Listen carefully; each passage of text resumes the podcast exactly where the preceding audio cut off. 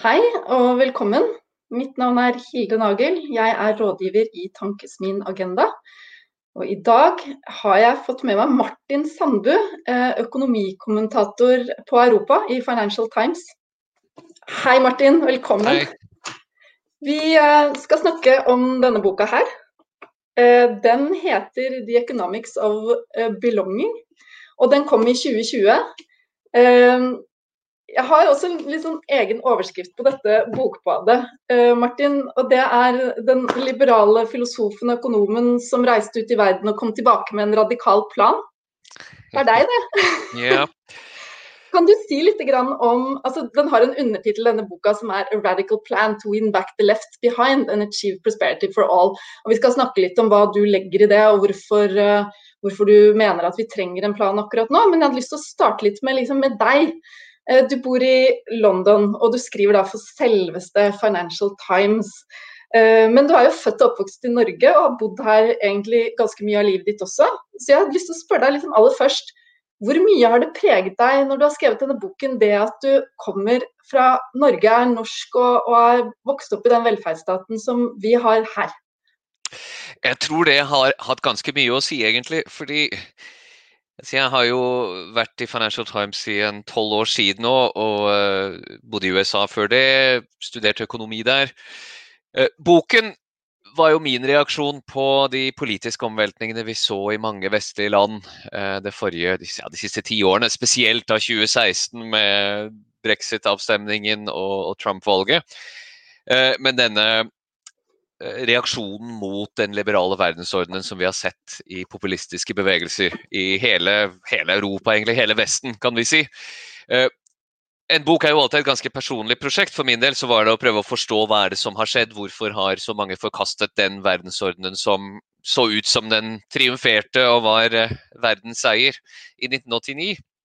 Og når du sier den verdensorden, så tenker du da på uh, det liberale demokratiet? Altså liberale... Jeg tenker på det, liberale, det, det liberale demokratiet, det, den, den, regelbundne, åpne, markedsbaserte samfunnsorden som, som liksom, kom seirende ut av den kalde krigen, og som da, da, jeg came of age, som det så fint heter på engelsk uh, altså vår, vår, generasjon da, som liksom ble voksne akkurat da det så ut til at dette her, det er ikke sant? Vi, vi var vel studenter da Fukuyama skrev om The End of History. Mm. Ikke sant? Det så ut på et tidspunkt som om dette her var løsningen. Og så har det naturligvis ikke gått sånn. 2016 eh, var på en måte det året hvor det virkelig så ut som den modellen hadde feilet. I hvert fall var den blitt forkastet i de landene som nettopp hadde gjort mest for å bygge den opp etter annen verdenskrig. Så boken begynte jo med Jeg skrev jo mye om dette i, eh, i spaltene mine i Financial Times, prøvde å forstå hva er det som har gått galt. Uh, og så mye på den økonomiske bakgrunnen. Uh, og Et hovedargument i boken det kommer vi til å snakke om, er jo at uh, politikken har fulgt økonomien her. At det er mm. økonomiske mm. endringer de siste 40 årene som mm. har ført til en, en politisk motreaksjon. Men samtidig som jeg har tenkt på det, så er jeg også blitt opp, mer og mer oppmerksom på hvor unik den norske økonomien og det samfunnet, det nordiske samfunnet, det er jo ikke bare Norge, som du og jeg vokste opp i, egentlig er historisk sett og geografisk sett. Uh, Norden sånn på 80-tallet, 70-80-tallet er kanskje det, det, mest egalitære samfunnet verden har sett. ikke sant? I hvert fall siden den industrielle revolusjon. Uh, det har også vært i endring.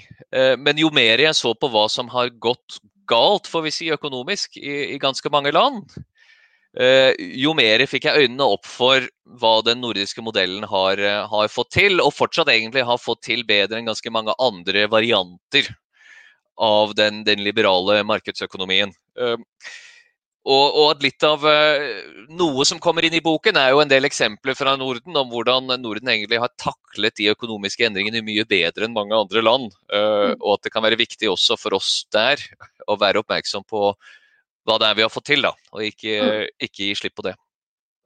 Kjempespennende. Vi skal komme mer inn på alt dette. Uh, først bare litt sånn disposisjon for denne samtalen. Du har laget en bok som er så veldig uh, pedagogisk og har en veldig sånn klar inndeling, så jeg tenkte at jeg skulle da prøve uh, å ha samtalen også rundt de spørsmålene som du stiller. Del én i boka så har du et spørsmål om what went wrong, altså hva gikk galt. Del to så har du spørsmålet what is to be done. Og del tre det er på en måte veien videre. Så jeg har lyst til å, å, å gå gjennom alle disse tre liksom, eh, spørsmålene dine etter tur. Men, men aller først, egentlig uh, ja, Og så kan jeg også en liten sånn um, teaser, holdt jeg på å si. Jeg har lyst til å å utfordre deg litt også underveis. fordi at Du sier at du har en radikal plan, og du siterer mange radikale økonomer som Danny Roderick og Diane Coyle. Men eh, jeg lurer på, og har lyst til å presse deg litt på du, hvor radikal du er. da. Så jeg har lyst til å komme inn på noen av den, eh, de diskusjonene også. Jeg vet at du du har veldig spennende uh, diskusjoner gående om flere av temaene i boka di med veldig sentrale økonomer, så jeg har lyst til å komme tilbake til det. Men aller først, tittelen på boka det, den dekker egentlig ganske godt det som er hovedbudskapet ditt. Kan ikke du bare si noe akkurat om den tittelen før vi durer i gang med detaljene? Ja, eh, på norsk så ville det vel blitt noe sånn som tilhørighetens økonomi. Economics of belonging. Eh, altså Det jeg forsøker å gjøre, er jo å forstå eh, den økonomiske bakgrunnen for politiske, de politiske krisene vi har, har, sett. Og jeg tror at en av de beste måtene å forstå politikken på, er nettopp dette begrepet med tilhørighet. At de grupperingene og bevegelsene som forkastet den etablerte modellen, samfunnsmodellen, om det var eh, integrasjon i Europa i brexit-avstemningen, eh, eller eh, det etablerte systemet i USA gjennom å, stemme på Trump, og tilsvarende bevegelser andre steder. Alt dette er egentlig et uttrykk, så vidt jeg kan se, for en mangel på tilhørighet og en mangel på samhørighet. Og jeg tror det er veldig viktig å lytte veldig godt til hvilken retorikk disse bevegelsene bruker. Hva er det egentlig de, de sier at de vil, og hva er det egentlig de tilbyr? Og det de sier, er at systemet fungerer ikke lenger for dere. De deler gjerne opp sine egne støttespillere og de andre. ikke sant? Ekte folk, ekte nordmenn, ekte briter, ekte amerikanere mot en korrupt elite. Men poenget er at, eh, hovedbudskapet er jo at landet og systemet og den økonomiske politikken har eh, gått helt galt vei og fungerer ikke lenger for folk som oss, folk som dere. Dere tilhører ikke lenger. Eller kanskje er det eliten som ikke lenger tilhører landet de kommer fra, og ikke lenger arbeider for, for vår felles interesse. Det er, det er, hovedbudskapet. Jeg tror det er viktig å, å liksom gå med på at det er det de som stemmer på disse bevegelsene, stemmer på.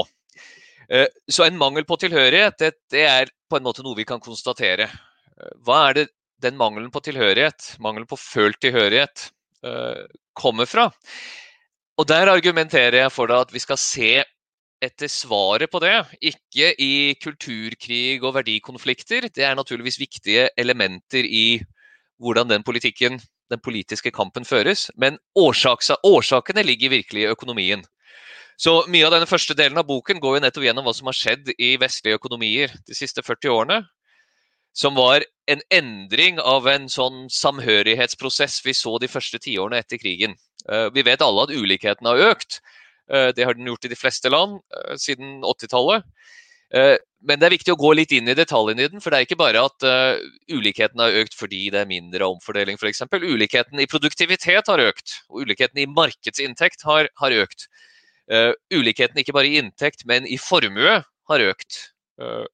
Og dette er spesielt viktig, tror jeg. Ulikheten mellom landsdeler har økt i nesten alle landene. Her er Norge et interessant unntak. Men nesten overalt så hadde hadde du sånn at landsdelene innenfor et land ble likere de første 30 årene etter krigen, og så har det enten stagnert eller gått baklengs eh, siden 80-tallet. Der tror jeg spesielt vi finner denne her med, med tilhørigheten, og hvordan tilhørighet er en, et økonomisk fenomen. Det er altså stadig flere steder som har sakket akterut, som er blitt latt i stikken. Left behind, som vi sier på engelsk. Uh, og det er, hvis du da ser på hvor disse antisystembevegelsene får mest støtte, det er nettopp ofte i de områdene som ikke har hengt med, men har sakket akterut. Mm. Tilhørighet handler noe om, altså Økonomiens tilhørighet, tilhørighetens økonomi, handler veldig mye om dette med sted. Mm. Som både er en følelsesmessig og sosial tilknytning, men også en økonomisk tilhørighet, eller mangel. Mm. Mm. Vi kommer mer inn på det også, men, men jeg hører deg si at det er it's the economy stupid. Det er, liksom, det er de eh, økonomiske driverne her som har ført til eh, den situasjonen vi er i. Og du er opptatt av denne gruppa, som da er stadig større i mange land, med, eh, som sitter og er sinte, som ser jobbene sine forsvinne, som ser lønnene stagnere. Som kanskje bor i et område som eh, ikke får del av den eh, gode utviklingen. Og de er sinte med god grunn, men du mener de kan ikke skylde på globaliseringen, sier du. Det er ikke globaliseringen som egentlig er syndebukken. Og der skiller du deg fra en del andre økonomer, f.eks. Danny Roderick, som har skrevet boken 'Has Globalization Gone Too Far?', hvor han mener ja, det har den. Og at noe av utfordringen nettopp er at vi har fått en type globalisering som har skapt noen av disse problemene. Men hva, hva mener du, Martin? Det er jo en, en sånn vanlig historiefortelling vi, vi ofte hører, uh, som vi spesielt hører fra de uh, populistiske bevegelsene, men som mange andre deler. Og den fortellingen går omtrent altså For å si det i én setning, da. Kina stjal fabrikkene våre. Ikke sant? At fordi vi ikke produserer saker og ting lenger, og det gjør nå Kina, så har vi mistet alle de gode jobbene som industrisamfunnet ga oss. Uh, og da, da, er det viktig å, å se på se på faktum. Altså, det, det er en sannhet i det, og noe som ikke er sant i den vanlige fortellingen. Det som er sant, er at det er mange færre industrijobber enn før. Og dette er også et fenomen vi ser overalt i Vesten. Antallet industrijobber, fabrikkjobber altså, altså absolutt antall jobber på fabrikk, steg i etterkrigstiden. Opp til omtrent 1980, give or take, fem år. Og så gikk det nedover. Og det er, tilfellet i omtrent alle høyinntektsland. Men hvis du ser på industriproduksjonen, Altså hvor, hvor mye industrivarer land produserer. Så er historien en helt annen. Så Det eksempelet jeg liker best, er den amerikanske bilindustrien. For den er litt sånn ikonisk, ikke sant. Der har jo også industriarbeidsplassene gått ned. Men USA produserer flere biler enn, enn det noen gang har gjort. Og det kan, du, det kan du se i de fleste industrivarer. Ikke alle, men industriproduksjon totalt fortsatte å gå oppover gjennom 80-90-tallet. Eh, og det gjelder alle de andre industrilandene også. Eh, så det kan jo ikke være at industriproduksjonen ble borte, for den ble ikke borte. Det som skjedde, var at jobbene ble borte. Men det er jo definisjonen på produktivitet. Ikke sant? Hvis du kan produsere mer, men med færre ansatte, så betyr det at hver ansatt er mer produktiv. Og det peker på hva som jeg tror er den egentlige årsaken til omveltningene vi har sett, som er teknologiske endringer. At man produserer på en annen måte. Du trenger rett og slett ikke like mange hender på et samlebånd selv innenfor industriproduksjon. Eh, og når vi først innser det Det er klart noen industrijobber gikk til lavinntektsland. Eh, spesielt tekstilindustrien.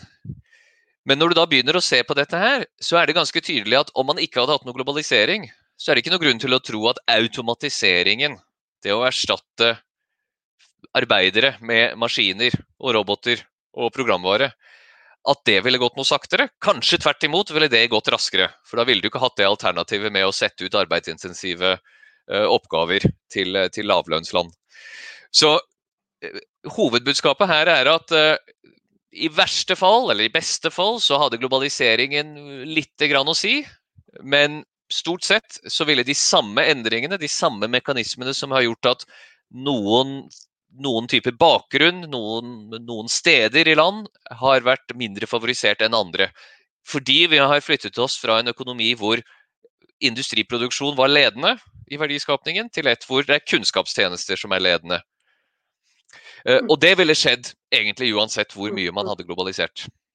Nå er det, jo, det er en stor uh, diskusjon uh, i fagmiljøene, men også sånn i politisk, hva som egentlig er uh, hoveddriverne her. Er det globalisering, er det teknologi, er det kanskje begge deler? Er det andre faktorer? Men uavhengig av hva man måtte mene om det, så eh, syns jeg når jeg leste boka di at jeg fikk eh, veldig gode argumenter for hvorfor ikke løsningen i hvert fall var eh, proteksjonisme og mer nasjonalisering. Fordi at de, de, det du peker på etterpå som, som, løsning, som mulige løsninger, da, det eh, er fullt mulig i en, også en åpen økonomi. Så vi kan komme tilbake til, eh, til, det senere. Men du nevner også en del andre ting, f.eks. dette med sånn winner takes all-økonomi. Eh, altså at det hadde fått en form for økonomi der noen store selskaper har vokst og baserer seg på en forretningsmodell hvor de dominerer, eh, og også kan dominere på på, lønns, altså på, på etterspørselssiden. Hvordan Kan du liksom si noe og, og hva det fører til av en sånn plattformisering av, av, jobber også, hvor du får type Iber og andre som, som er jobber som er delvis uregulert, usikre, nullkontrakter osv. Si noe om det også som, som en driver for, for, denne gruppa som nå føler seg left behind. Ja, ikke sant? Teknologisk endring er jo så mye. Mye av det vi snakker om er hva som skjedde på 80- og 90-tallet, hvorfor industrijobbene ble borte. Men det er også mye mer som skjer, og digitaliseringen har jo vært en veldig viktig del av det. Uh, og innenfor digitale tjenester så er jo nettopp denne plattformeffekten du snakker om uh, veldig viktig. Det er mye større stordriftsøkonomi i en i en økonomi som ikke er materiell, ikke hvor alt er digitalisert og tjenestebasert. Og ofte hvor det er intellektuelle rettigheter, copyright og den slags. Uh, da er det gjerne da er det så store stordriftsfordeler. Hvis, hvis, nå skulle, hvis vi nå skulle være så heldige at denne videoen blir viral, så koster det minimalt å liksom skulle gi den til alle de milliardene av mennesker som så gjerne vil se oss snakke. Man kan alltid håpe. Men poenget er jo at kostnadsstrukturen er noe helt annet enn å produsere fysiske ting. Så dette, denne overgangen fra industri, en industriøkonomi til en tjenesteøkonomi, og særlig da en, en kunnskapsintensiv øh, økonomi, har også ført med seg øh, disse stordriftsfordelene. Og stordriftsfordeler gjør Det skaper nettopp winner takes all-strukturer. Sånn at øh, dette er egentlig ett eksempel av mange på hvordan Eh, flere det, er flere det er krefter som, som skaper flere vanskelige ting for politikken å håndtere. Det ene er at økonomien i seg selv blir mer sånn ujevn. Rett og slett hvordan vi produserer ting bidrar til større ulikhet. Det er liksom mer naturlig uten, hvis man ikke, øh, hvis man ikke bruker politikk til å endre på det, at det blir mer ulikhet. Mens den industrielle økonomien på en måte var god til å spre veksten ut på mange folk og ut på hele det nasjonale territoriet. Den moderne veksten er eh, ikke like naturlig egnet til det. Eh, det andre du gjør, er det du var inne på. Eh, at ved å skape mer, min, færre bindinger mellom arbeidsplasser og arbeidstakere, så får vi en, i mange land en mer sånn et mer brutalisert arbeidsliv her er Norge til en viss grad et unntak, selv om vi ser pga. teknologien så er det jo press i samme retning. Men, men, i andre land har det vært ofte mye verre. At stadig, en stadig større del av arbeidsstokken lever i mye mer uh, prekære forhold, altså mye mer kortsiktige, risikable forhold. og så vil jeg få legge til noe vi ikke har nevnt hittil, at alt dette er drevet av teknologi, men det har jo vært politikkendringer også fra 80-tallet mm. fremover som har mm. gått med på å flytte risikoen fra arbeidsgiver eller samfunnet som helhet over på den individuelle arbeidstaker. Så dette som i USA de kaller, de kaller det for the great risk shift. Mm. Men altså at vi har gått tilbake til mer individualisert risiko. Og det viser seg da i arbeidslivet ofte som en, en avmakt, eh, eller maktmisbruk til og med, hvor da den enkelte arbeidstaker sitter i et, uh, i et, negativt maktforhold mer enn før uh, i forhold til oppdragsgiver. Det er ikke alltid mm. arbeidsgiver lenger. Det, det, er en veldig god overgang til neste del i boka di, som jo handler om uh, what can be done. Og der, der, er jo du som meg uh, har stor tro på politikkens uh, rolle og muligheter. Så mye av dette dreier seg rett og slett også om ny politikk. Men du starter med å hylle I, i kapittel seks bruker du veldig mye tid på den, den, norske modellen, og vi har vært litt inne på det allerede. altså Dette med at vi har hatt en sammenpresset lønnsstruktur, det er lett å bytte jobb, det er gratis utdanning. Det gjør at omstillingen også blir lettere, fordi det er mulig eh, hos oss med vårt system å virkelig kunne skape de nye, gode jobbene. Og så har du et eksempel med bilvask. Kan ikke du bare dra det raskt? Jo, jo det, det gjør jeg gjerne. For det, det har vært et veldig nyttig eksempel for meg. Eh, og det begynte jeg å tenke på for en, for en 20 år siden, uh, da jeg bodde i New York. Uh, og jeg husker jeg hadde lunsj med en, en norsk, økonom som, som, var på besøk. Og vi snakket da vi sammenlignet sånn Norge og USA som økonomiske modeller.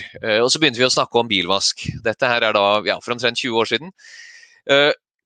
hvor i USA da, og fortsatt nå, hvis du kjører bilen inn på et vaskeri, så kommer det en tre-fire gjerne innvandrermenn med skurefiller og, og vasker bilen. ikke sant? og jeg husker han kollegaen jeg snakket med, det, sa at dette er jo en teknologi som gikk ut av bruk i Norge på 60-tallet.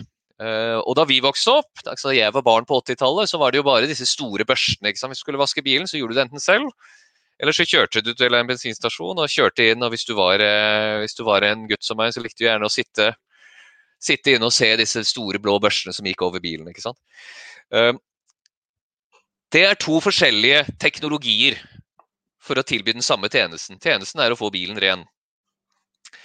Grunnen til at uh, disse to økonomiske systemene kommer ut med forskjellige teknologier, har å gjøre med lønnsstrukturen.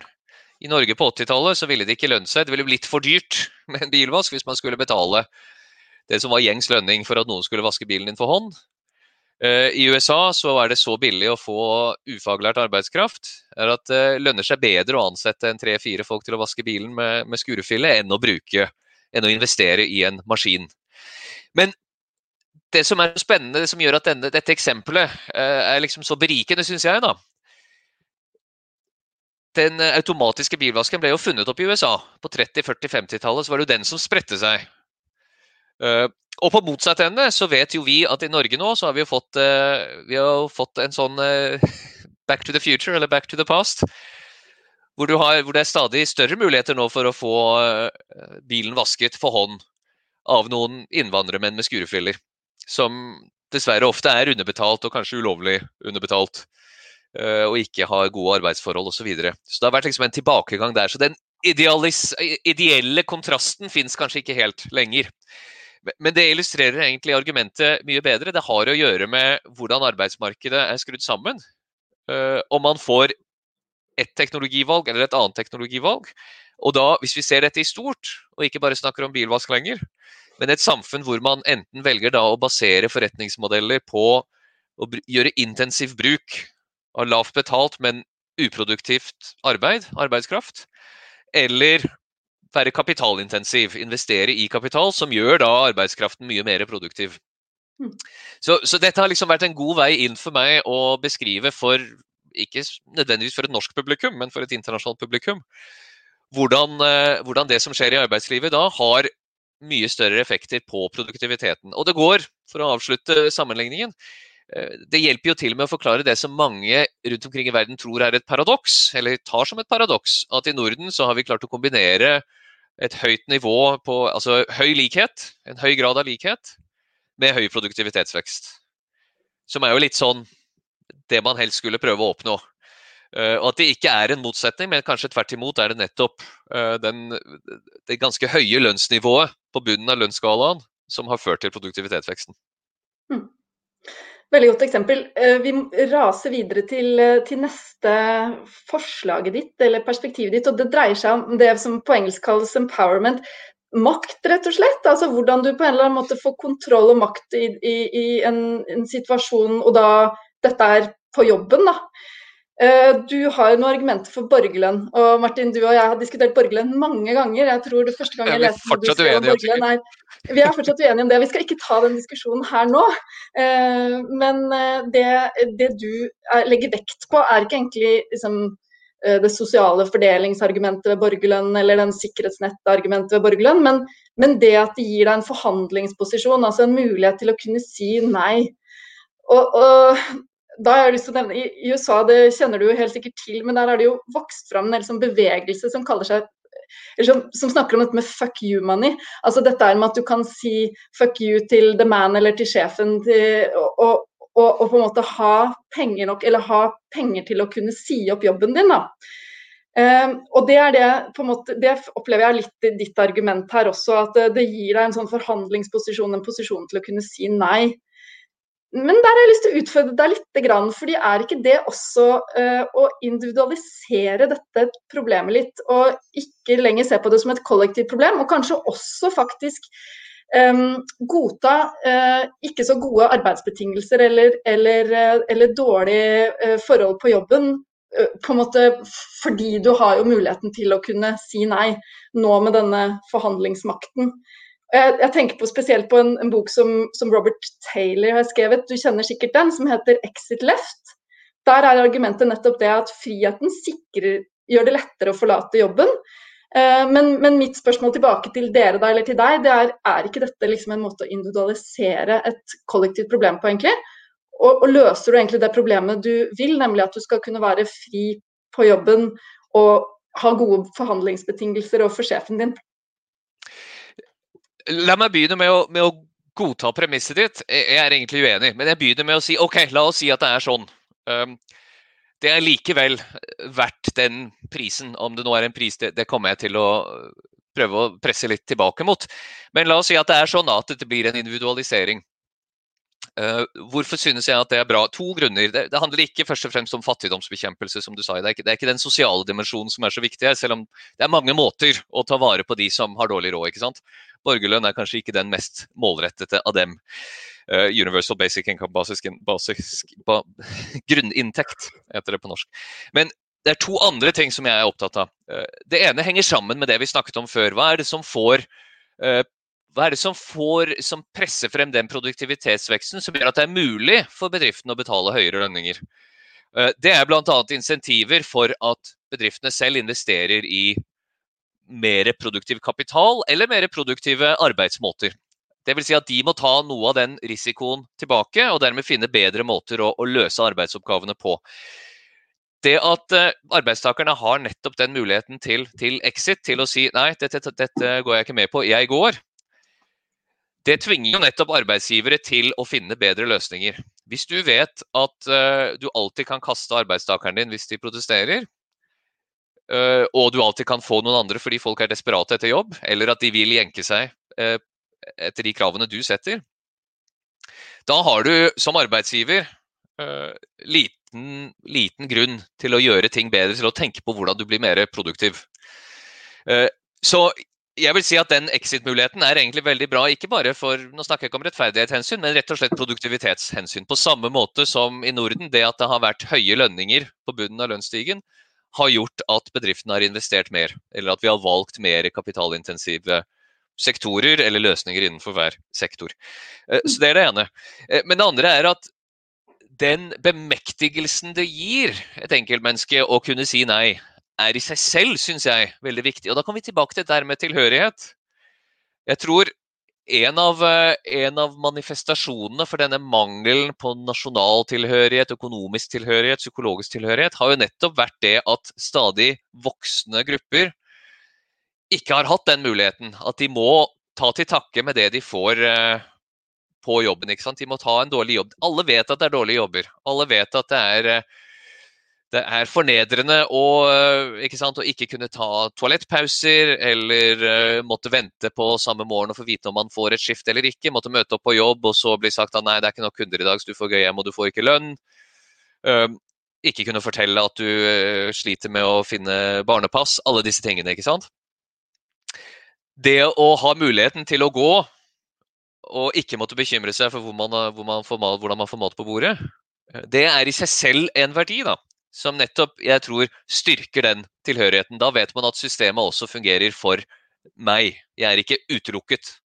Så selv om du skulle ha rett, så vil jeg si at de hensynene oppveier uh, for det du sier. Men for å komme til det, er dette en individualisering av det, må, det, man må få til kollektivt? Jeg tror ikke det er en motsetning der. Jeg, jeg tror at de egentlig går i samme retning.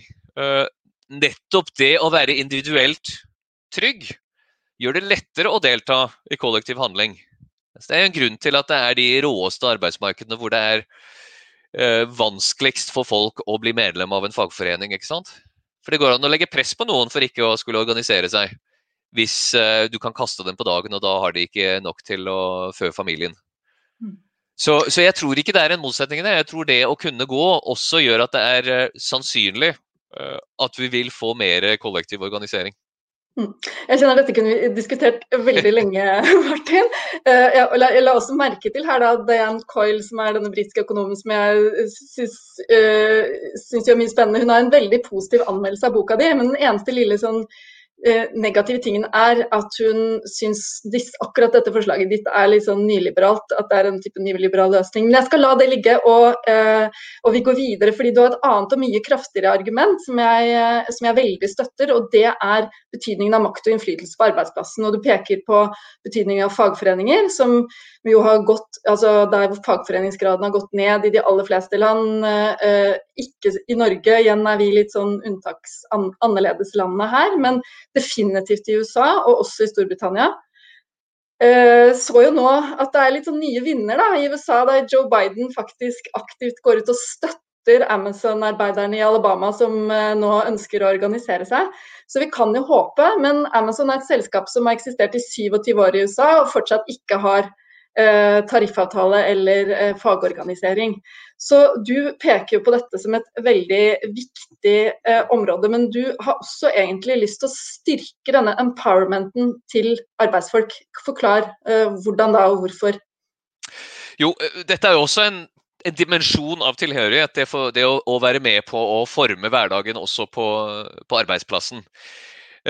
Og, og, jeg har absolutt ikke noe imot eh, fagforeninger. De har ofte, og særlig i Norden, har de vært en sentral del av de løsningene vi har fått. Eh, men jeg er også ganske bevisst på at de institusjonelle løsningene vi har i Norden, kan man ikke uten videre liksom plukke opp og plante i andre land. Eh, fagforeningen i Norden fungerer ganske bra, for de både har høy dekning, altså tariffavtalene dekker en stor del av økonomien, og de har høyt medlemskap. Hvis man ikke har begge de to, så er det ofte at det ikke fungerer så bra. Så i Frankrike for eksempel, så har du ofte ganske bred dekning, men veldig smalt medlemskap. Og, da blir det ikke til at fagforeningen nødvendigvis handler i interesse av de brede lag av, av arbeidstakerne istedenfor sine egne uh, medlemmer. Så, uh, så, jeg er litt sånn, særlig fordi jeg prøver å skrive om det som er felles for mange vestlige land, uh, så nøler jeg med å si at det er gjennom en økt, økt organisering at man vil få at man vil finne det rette svaret for, for hvert land.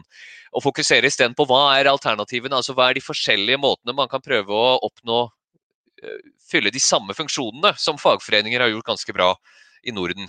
Og Da kan vi snakke om eh, høyere minstelønn, vi kan snakke om, om eh, borgerlønn, grunninntekt, nettopp for å skape dette forandre maktforholdet på, på arbeidsplassen. Naturligvis sterke reguleringer for, for sikkerhet og hvordan arbeidstakere behandles. Uh, og veldig viktig, det snakkes ikke ofte nok om det, håndheving av de reglene man har. Det er også et mm. problem i Norge. Det er fint å ha flotte regler, men hvis de ikke håndheves, så, så blir de ikke fulgt. Uh, så det er så mange andre det, altså det, er en hel rekke måter å prøve å oppnå samme økonomiske resultat på. Uh, organisering kan være noe av det. arbeids arbeideres eierandeler, eller arbeid, arbeidereiede bedrifter, er også kanskje en måte å gjøre det på. Men hvilke politiske grep er det vi snakker om her? Altså Er det at eksisterende bedrifter skal kunne overtas av arbeiderne, altså en slags ekspropriering? Da, da, tror jeg jeg nøler. Det, men det er jo ikke noe i veien for at arbeidere selv skal kunne organisere en arbeidsplass. Altså kunne eh, skape sitt eget firma. Det er jo ikke noe forbud mot arbeidereide firmaer. Så det jeg antar at du vil frem til, er de firmaene som allerede eksisterer. Hvorfor kan ikke arbeidere også få eierandeler i dem? Vel, det er veldig gøy at du nevner akkurat det, fordi du skriver jo ikke noe om dette i boka. akkurat dette med ansatteide bedrifter. Du, skri, du snakker om, eh, om, økt representasjon, og det som jeg tror vi begge er opptatt av, nemlig hvordan man kan få mer demokratisk innflytelse på arbeidsplassen. Det er jo på mange måter et paradoks at du har demokrati i på en måte resten av eh, livet ditt og ute i det politiske, mens i mange arbeidsforhold så har du ikke den, de samme måte, kravene eller si, mulighetene for å, å, å, å, en ha en demokratisk eh, medbestemmelse eller, eller, mulighet til å være med på å bestemme på arbeidsplassen din. Så det, det, det med økonomisk demokrati, eh, den tanken der, at du faktisk skal gjennom jobben din kunne være med på å bestemme på viktige områder, det tror jeg vi begge Det skriver de jo litt om, og det, det tror jeg vi begge er, er opptatt av. Og så har vel jeg egentlig i min dialog med deg i forkant sagt, men hvis du vil gå dit, og du vil ha økt representasjon, er det ikke da også logisk å tenke at du kunne ha økt eierskap. Og jeg tenker da for på, Så tenker jeg at du kommer fra Storbritannia. Der er jo eh, John Lewis er en konkurrent til Amazon. De, en, de, har jo holdt på jeg vet ikke hvor lenge, 100 år eller noe sånt, med, med varehandel. Og der er det sånn at de ansatte eier. Og det er også sånn at de har ganske eh, detaljerte bestemmelser om hvordan de ansatte kan ha innflytelse. Så der er både det med, med eierskap og det med innflytelse koblet veldig tett sammen. Da. Kunne man ikke tenke seg at man la til rette for og hadde insentiv for at flere også kunne ta del og eie? Delvis fordi det ville gi dem mer innflytelse, og delvis fordi at det ville også dele eh, eh, den innsatsen som de da hadde, altså det produktet av deres felles eh, arbeid, da. Kanskje fordelt på en mer rettferdig måte. Så John Lewis er jo alles yndlingseksempel, eh, men spørsmålet man må stille med en gang er hvorfor er, er ikke John Lewis unntaket uh, som bekrefter regelen? Altså Hvorfor er det ikke flere John Lewiser hvis dette skal fungere så bra?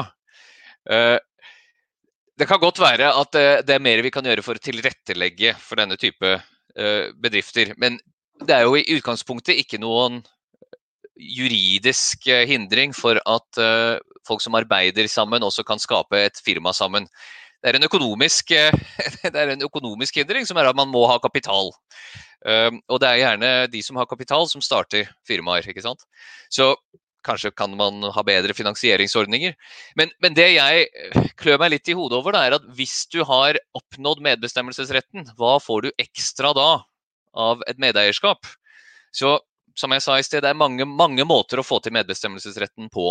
Det kan være direkte regulering, det kan være bestemmelser om at aksjeselskaper skal ha styreplasser for de ansatte osv. Eh, naturligvis så er det demokratisk styring av økonomien gjennom lover og regler. Det er også økonomisk demokrati, ikke sant? selv om det ikke går gjennom, direkte gjennom arbeidsplassen. Men hva får vi da i tillegg? Uh, gjennom medeierskap. Altså Man får en økonomisk eksponering. Det du sier er å dele overskuddet mer rettferdig mellom eh, arbeidstakerne. Men det er jo også å øke risikoen for arbeidstakerne i, i en bedrift. At da avhenger deres inntekt og økonomiske velvære mer nettopp av den risikoen som den bedriften tar. Det er jo ikke noe vi tilråder når det gjelder investeringer f.eks., å legge alle eggene i en kurv. Og jeg kan ikke se hvorfor vi skal tilråde det samme når det gjelder uh, dette. Så ikke sant? hvis det er nok medbestemmelsesrett, gjennom regulering av hvordan, uh, hvilken representasjon arbeidere har, og at det finnes uh, tilstrekkelig, tilstrekkelig gode forhold for å organisere arbeiderne. Ja, da egentlig Da vil jeg egentlig bare la hva heter det, la tusen blomster vokse. Da er det egentlig opp til arbeiderne i hver bedrift om de skulle ønske å bruke sine penger da, på å skulle ta en andel i, i en bedrift. Eller om den bedriften skulle finne det fornuftig å gi som en del av kompensasjonen, gi aksjer f.eks. istedenfor eh, kontant, eh, kontantkompensasjon. Men det, det, det, er, det, er, noe som kan passe noen steder. Jeg kan ikke se, se det som en systemløsning. Vet du hva, vi, vi, kan godt stoppe der. Vi, vi, eh, når det gjelder insentiver, så er det jo f.eks. i USA så har du jo dette ESOP-modellen som gjør at veldig mange da har det er skatteinsentiver for å gjøre denne type Eh, eierskap. Man kunne tenke seg tilsvarende, men jeg tror vi stopper der fordi, fordi, rett og slett du skriver ikke så mye om det. Jeg hadde bare lyst til å pirke litt borti det i og med at du er opptatt av dette med, med makt og, og, eierskap på arbeidsplassen. Så, så, vil jeg bare liksom utfordre deg. Men vi skal ikke snakke mer om det, fordi vi har så mange ting vi skal gjennom.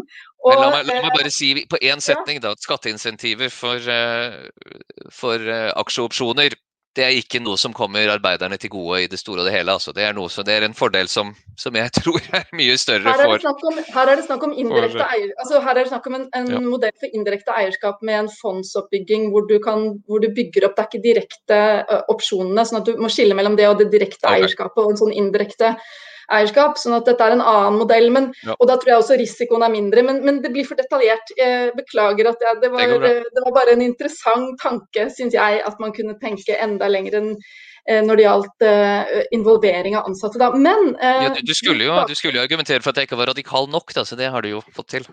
Ja, ikke sant. Men det, det, kan du si. jeg har flere ting skjønner du, underveis her som kanskje er mer eh, eksempler på det. Eh, men jeg syns jo også det er veldig Det jeg syns, Martin, det er at det er veldig morsomt at du har pekt på at vi trenger så radikale endringer, enten du tilhører liksom sentrum venstre eller sentrum høyre, at du virkelig, man, det er nå vi trenger å tenke litt sånn stort og nytt. Og det gjør du virkelig i denne boka, så, så det er sagt. Um, vi går videre, og jeg har fulgt litt sånn kapitlene dine, så vi får se hvor langt vi kommer. Men du sier nettopp det at det er tid for en ny motkonjunkturpolitikk, eller tid for å liksom, tenke eh, makroøkonomien på en helt annen måte nå enn det var for bare noen år siden. Jeg har lyst til bare du skal si eh, litt om hva du mener med det. Jo, dette Røttene for det her ligger jo egentlig i hvordan jeg observerte som kommentator i Financial Times uh, oppgangen etter den globale finanskrisen uh, i 2008-2009, og, litt lenger enn det i, Europa. Uh, hvor vi hadde en veldig svak vekst. Veldig svak uh, oppgang.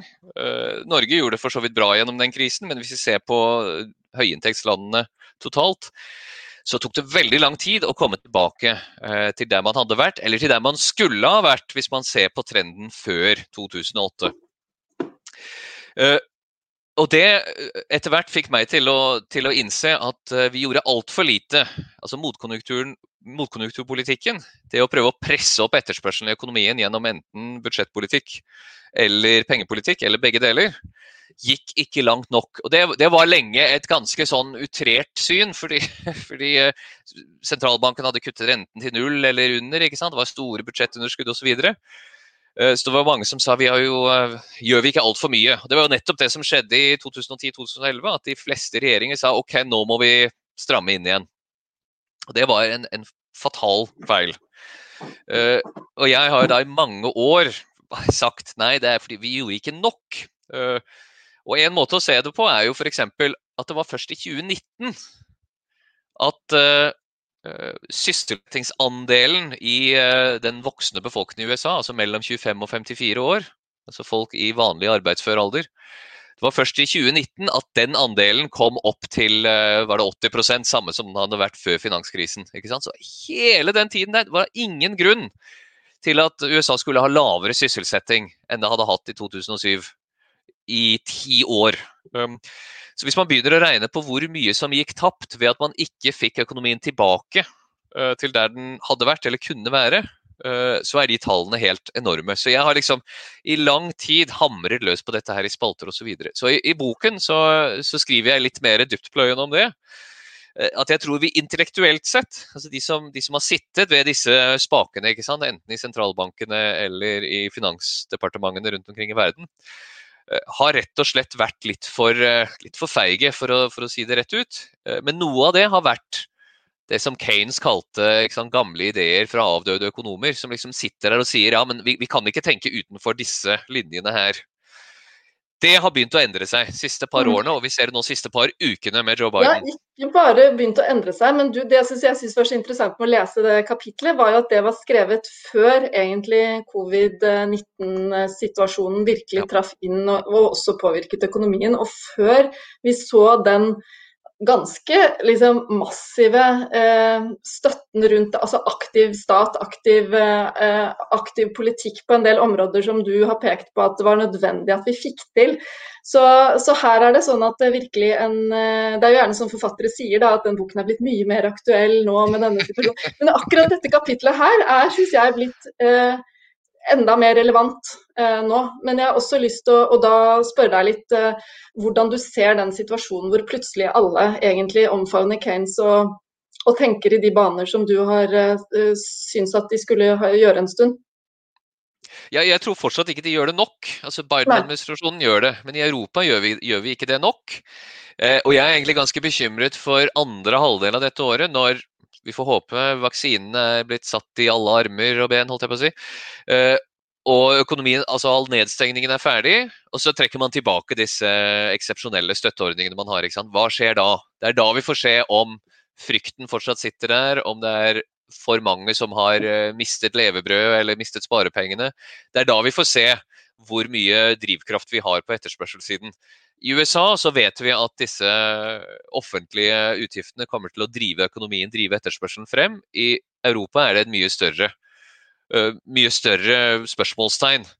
over det. Så, så, vi får se. Men jeg er egentlig, jeg er egentlig ganske bekymret altså, for at eh, vi fortsatt ikke helt har lært den leksa der i, eh, mm. i Europa. Mm. Ja, nettopp.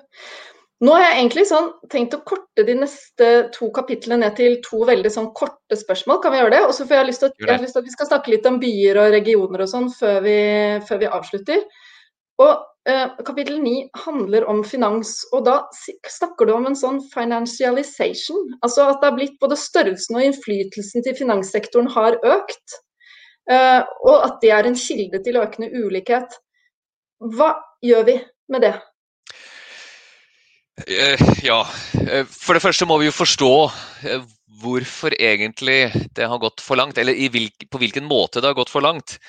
For det, det holder ikke å bare liksom være sint på finans ikke sant? og bare se at ok, finansfolk tjener for mye. Det gjør de jo naturligvis. Men hvorfor gjør de det? Det er jo fordi finanssektoren, har, finanssektoren er jo egentlig en tjenestesektor. ikke sant? Den skal i utgangspunktet gjøre det lettere for bedrifter å få den kapitalen de trenger for å utvide og være mer produktive der det er etterspørsel for de varene og tjenestene de tilbyr. Det er, sånn mellomledds, det er en mellomleddssektor. Det er, eh, det er, det er økonomisk, makroøkonomisk rørleggerarbeid, skulle det egentlig vært. Så Det burde ikke være sånn at finanssektoren tar en stor del av verdiskapningen eller merverdien i økonomien, men det så vi jo før finansindustrien, og til en viss grad har det, har det fortsatt. Uh, problemet der er Altså det er så mangfoldig. Men det ene er at når finansindustrien selv tar en stor del av altså skumme kremen da, eh, av, av, eh, Hva blir det? Av melken? Av kaka. Eh, så får det regionale virkninger. Det gjør at mer av nasjonalinntekten liksom går til finanssentrene og ikke der hvor produksjonen skjer. Så har, Vi kommer til å snakke om by og land, så det er, en, det er en bakgrunn for det. Men det fører også til at det blir mindre produktive investeringsbeslutninger. Eh, og Det er ikke bare jeg som sier dette. Dette blir liksom sagt i, eh, i finansmyndighetenes høyborger, i eh, Bank for International Settlements og Det internasjonale pengefondet, og alle som ser på dette, ser at jo mer finansiering du har, spesielt gjeldsfinansiering, som da typisk er knyttet til, til sik sikkerhet, altså hus f.eks., jo mer, jo mer, av investeringsflyten går inn i nettopp de sektorene. Men det er ikke der produktivitetsveksten ligger. Så du får mer kanskje husbygging i Florida, men, men mindre investering i, i, produktive firmaer. Så det har vært en feilallokering pga. For, mye, for mye vekst i finansnæringen. Det er ikke noe sånn eh, marxistisk argument, det er et veldig kapitalistisk argument mm. eh, for at det er en markedssvikt her. Eh, mm. Vi må ha det er til en viss grad for mye finans, men først og fremst er det for mye gjeldsfinans. Så jeg vil mye heller ha, det er budskapet i dette kapitlet, finansiering som ser mer ut som egenkapital. Sånn at det er investoren som tar risiko. Hvis noe går galt, så er det investoren som, eh, som tar tapet. Og hvis vi hadde hatt det, les kapitlet, jeg skal ikke gå inn på detaljene mm. her, men det, de som ser på mm. kan, kan, lese detaljene hvis du vil ha det. Da får du mer produktiv vekst. Mm. Men dette henger vel også til en viss grad sammen med kapittel 10, hvor du tar for deg skattepolitikken? Ja, det gjør det. Det gjør det. Og der er det jo, og der er det, ja, nei, og der er det jo Der eh, har du ganske gode argumenter for formuesskatt, som jeg bare har lyst til at du skal dra sånn helt eh, kjapt. Det er et sånn veldig vepsebol i Norge. Eh, Norge er et av de få landene som fortsatt har formuesskatt, og det må vi absolutt ikke bli kvitt. Det er mange andre land som har, men det er en god skatt. Eh, det vi må prøve å gjøre, er å skille spørsmålet om hvorvidt skal ha formuesskatt og hvor høy den skal være, Eh, fra spørsmålet om det totale skattetrykket. Så parker debatten om hvor stor del av økonomien staten skal ta i skatt. Gitt det, hvor mye skal være i formuesskatt? Hvis du tar mer i formuesskatt, så kan du senke enten skattene på arbeid, eller du kan senke andre skatter på kapital. Skattene på kapital har gått ned de siste 30-40 årene, samtidig som formue som en del av nasjonalinntekten har gått utrolig mye opp. Doblet som en del av nasjonalinntekten i de fleste land. Likevel så skattlegger vi altså mindre kapital mindre enn vi gjorde for 40 år siden, eller i hvert fall ikke mer. Uh, formuesskatt er den beste måten å skattlegge kapital på, fordi det er en god kapitalistisk skatt. Det favoriserer de som forvalter kapitalen effektivt og får høy avkastning. Fordi skatten avhenger ikke av avkastningen, men av den totale formuen. Og den eh, straffer da de som eh, investerer kapitalen sin dårlig, av samme grunn. Fordi eh, dårlig avkastning eller negativ avkastning gjør ikke at du slipper å betale skatt. Den må du betale uansett. Så det, er en, det, er, altså, det er en god kapitalistisk skatt når vi en gang skal ha skatt, og det skal mm. vi. Derfor syns jeg vi skal ha formuesskatt, og heller øke den og senke andre ting. Mm. Og så hadde jeg jo egentlig et spørsmål til deg om arveavgift. Det ser jeg vi rekker ikke ja. egentlig. Fordi, men, men, det var bare fordi at jeg hadde lyst til å presse deg til å bli enda litt mer radikal. Du nevner ikke arv. Eh, det er litt overraskende. Jeg, jeg kan ta det på én setning, siden vi har kort tid. Arveavgift er en formuesskatt. Men du velger bare å, i, uh, å ilegge den akkurat når noen dør. Det, det, er egentlig litt rart. Det betyr f.eks. at du eh, har en lavere skatt på formuen til de som lever lenge, enn til de som lever kort. Det er det ingen grunn til. Men altså, hvis man er for å ilegge en skatt på formue når noen dør, så er det jo ingen grunn til å ikke skulle ilegge en mye lavere skatt hvert år. Og Hvis du først har en formuesskatt, sett den til riktig nivå. Så trenger du ikke ha noen trenger ikke ha det akkurat når den overføres fra forelder til barn. Det, det er liksom ingen grunn til det. Du skattlegger den hvert år uansett. Det spiller egentlig ingen rolle hvem som eier den. Uh, så jeg vil mye heller ha det, og da syns jeg det er greit å ikke ha en arveavgift. Men det du ikke kan gjøre, er å bli kvitt begge deler. Da får du jo mm. naturligvis et voksende oligarki. Det vil vi ikke ha, det burde vi mm. ikke ha. Så mm. særlig nå som Norge har avskaffet arveavgiften, er det desto større argument for å beholde og øke formuesskatten. Mm. Flott. Da skal vi snakke litt om, om by og land, og da, da, har vi jo en sånn uh, artikkel her. Altså, ja. fra, fra, faktisk nå på søndag, hvor du skrev om det i Aftenposten også. Men du skriver en del om det i boka, og jeg syns det, det, er veldig interessante tanker du har der. fordi at uh, du er jo opptatt av den, de, de, disse som føler seg uh, altså, som ikke lenger er en, en, del av eh, Som føler seg left behind, og som ikke lenger liksom, tar del i, i, den økonomiske utviklingen. Men du ser også veldig geografisk på dette. Og du ser at det er regioner, og du ser også at det er en del områder hvor det blir en sånn negativ spiral. Hvor det at du har få jobber, gjør at du får flere som, eh, som, sliter med ulike utfordringer, også med å komme seg inn på arbeidsmarkedet, som igjen da gjør at det området blir mindre attraktivt å bo i, som tiltrekker seg folk som da eh, kanskje ikke har råd til å bo andre steder, som flytter dit. Altså Det er en veldig mye sånn negativt som skjer. Og så har du eh, noen interessante tanker, syns jeg, om hva som skal til for å snu dette. Og hva vi må gjøre for å få til en form for uh, vekst, også, ikke bare byene. For det, det skal jeg også si, at du, du ser jo på byer som liksom selve lokomotivet for for mye vekst, og at det er noe vi bare er nødt til å godta. At byer har en del betingelser til stede for, som gjør det lettere å få til, eh, få til vekst der. Men hvordan får du dette til også eh, i hele landet, f.eks. Eh, der vet jeg jo igjen at Norge er jo et annerledes land, men jeg har lyst til at du skal si litt om det generelle argumentet i boka også.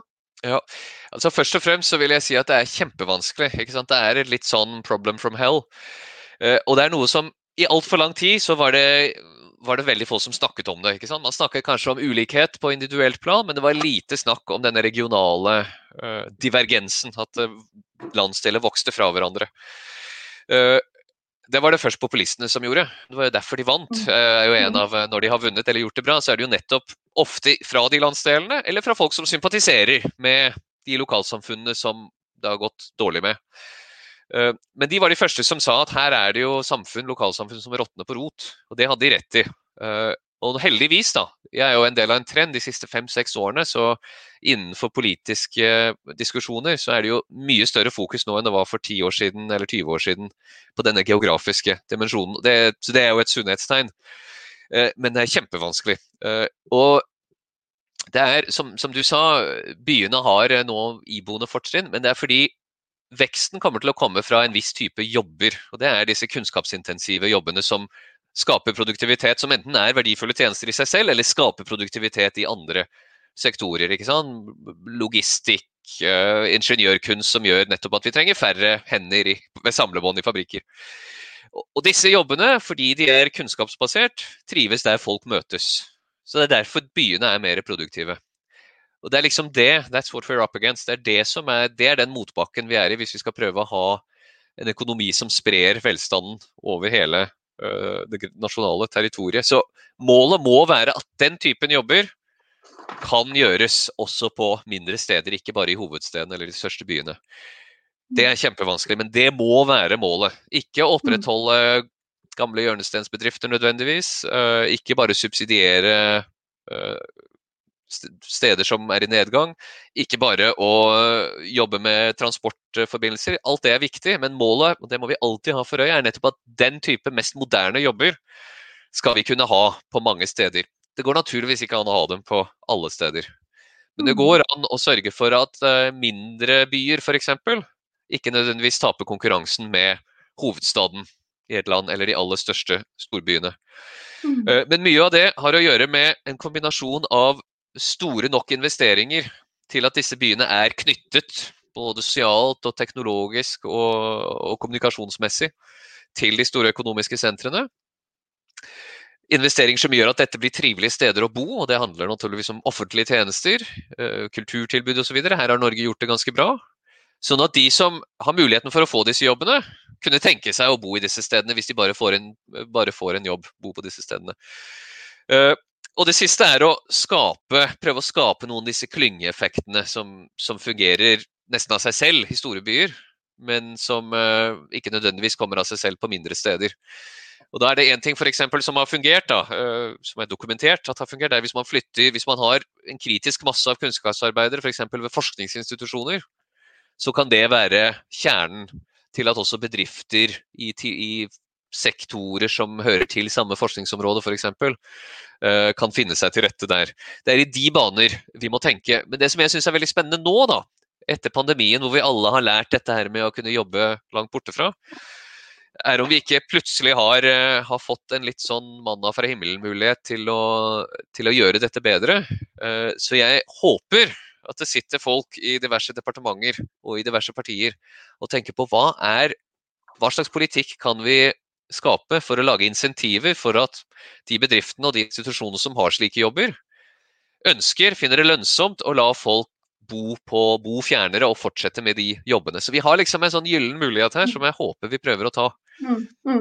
For Det jeg synes er interessant med argumentet ditt, er at du, altså En ting er liksom å skape jobbene og arbeidsplassene, men, men, du er også opptatt av dette å gjøre stedene attraktive. Altså At det skal være eh, tiltrekkende. Og, og, og, hva er det som gjør det? Eh, der har det jo, som du sa, eh, i mange år så har man jo snakket om dette at eh, man kan jobbe hvor som helst fra. Men virkelig under covid har man jo sett at det kan man faktisk gjøre. Og jeg tror også en del når fordi Byene har jo også blitt tilsvarende lite attraktive. Det er jo ikke noe kulturtilbud eller noe åpne restauranter eller noe. sånn at i, i fravær av det, så kanskje også en del har oppdaget gleden ved å bo landlig til, nær naturen, eh, ha et roligere liv på mange måter. Eh, men de kunne ønske seg kanskje noe av det som byen har av tilbud, eller på en eller annen måte noe som gir det du kaller altså det som kobler folk sammen, det som skaper den tilhørigheten som det gjør. Og da snakker vi jo ikke bare om, da snakker vi ikke liksom rent sånn økonomi med arbeidsplasser osv. Da snakker vi rett og slett gode lokalsamfunn, gjør vi ikke det? Jo, vi, vi, gjør det. Men dette har jo en økonomisk dimensjon, naturligvis. Det, det er jo for så vidt opplagt. Men, men, det fører jo til en viss politikk. Det må være en, et minimum av kjøpekraft i et lokalsamfunn for at det skulle kunne være et trivelig sted å være. Det er noe vi stort sett får til ganske bra i Norge, men reis, reis rundt til, eh, på, i Storbritannia eller i Frankrike, tidligere industriområder eller, eller USA, og vi ser at det har forfalt, forfalt til en så til, altså en helt uakseptabel grad. Og folk har ikke råd til å sant, gå på en Folk har ikke råd til å betale det det ville koste å drive en fin kafé, ikke sant.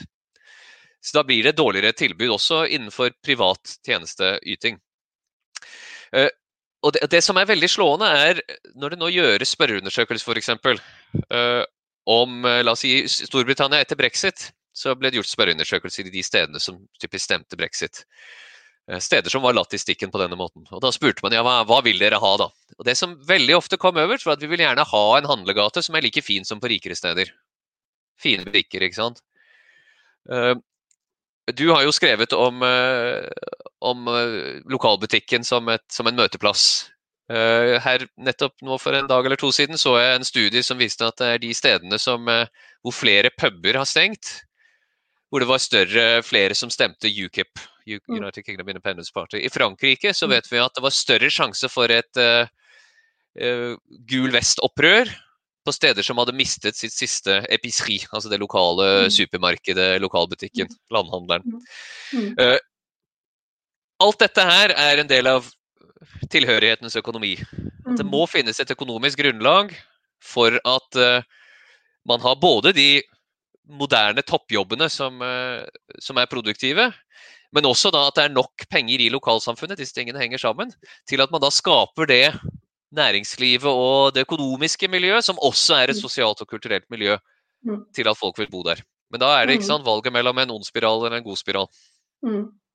Nei, og Da har vi egentlig sagt ganske mye om dette med economics of belonging. altså det med at er, Man må tenke tilhørighet eh, på ganske mange måter enn eh, en bare eh, rent sånn hvem som har jobb og ikke jobb. Det handler om å være del av noe på veldig mange plan, og det syns jeg boka di viser, eh, viser godt. Og eh, du har jo også da gjennom boka eh, vist hvordan vi trenger eh, reformer nå i en tid hvor ja, og Du henter fram Franklin D. Roosevelt, ikke sant? og veldig mange gjør det nå og syns at det føles eh, riktig å gjøre nå. Eh, men det er, det er, økonomiske virkemidler som da kan være svar på noen av de utfordringene som vi også har på andre samfunnsområder. Opplever jeg at er liksom beskjeden jeg kan ta med tilbake etter å ha lest eh, boka di. Så da har jeg lyst til å avslutte egentlig med et spørsmål. For mange mange år siden, jeg tror det var 15 år siden, Martin, så diskuterte vi den sosiale kontrakten. Eh, og jeg ble invitert til et møte hvor vi skulle snakke er den sosiale kontrakten under press og hvordan osv. Og, og er det sånn at vi skal vi tro at hvis vi gjør noen av disse reformene, så har vi mulighet til å kunne beholde den? Vi må reparere den. Ja. Vi hadde jo en samfunnskontrakt, vi har hatt en samfunnskontrakt siden 1945, kanskje enda lenger i USA, New Deal i USA, som, som handlet om både liberale borgerrettigheter og etter hvert en åpen økonomi, men også en økonomi som fungerer for, for, alle. Og Den delen har feilet, og den har ikke feilet som vi snakket om pga. globaliseringen, men pga. feilslag i møte med teknologisk endring. Så den må oppdateres. Mange av løsningene må oppdateres fordi den økonomiske strukturen er annerledes i dag og kommer til å være annerledes. Og Det er for så vidt bra at vi, vi må omfavne de endringene som har skjedd teknologisk for å ha mest mulig produktivitet. Men vi må innse at vi ikke fikk det helt til. Da, og at, eh, mm. som du nevnte innledningsvis, at det er mange som har god grunn til å være sinte. Mm. Men jeg tror og dette har vi jo sett spesielt det siste året. Det er liksom ikke noe, det, det, det er ikke noe alternativ å, å, være konservativ eller å ikke prøve å forandre på ting. Radikale må vi være. Radikale har vi alle blitt det siste året. Regjeringen har gjort, Myndighetene har gjort så mange ting som ville vært utenkelig noen måneder tidligere. Eh, så det, hva, det, blir spørsmål om hva skal vi ha radikalisme for? Hva slags radikalisme og for å oppnå hva? Så For min del, det er derfor jeg ser tilbake på Roosevelt, en, en radikal sentrumspolitikk, om du vil. Altså sentrum-venstre, sentrum-høyre, men nettopp for å unngå en mer ekstrem type revolusjon som forkaster samfunnskontrakten i sin helhet. Mm. Ja, der er vi i hvert fall veldig enige, Martin. Radikale må vi være. Og tusen, tusen takk for uh, denne samtalen. Og til alle dere, uh, les, dere. les uh, boka. Den er virkelig har masse spennende politikkområder og diskusjoner. Tusen takk for fin prat. Tusen takk.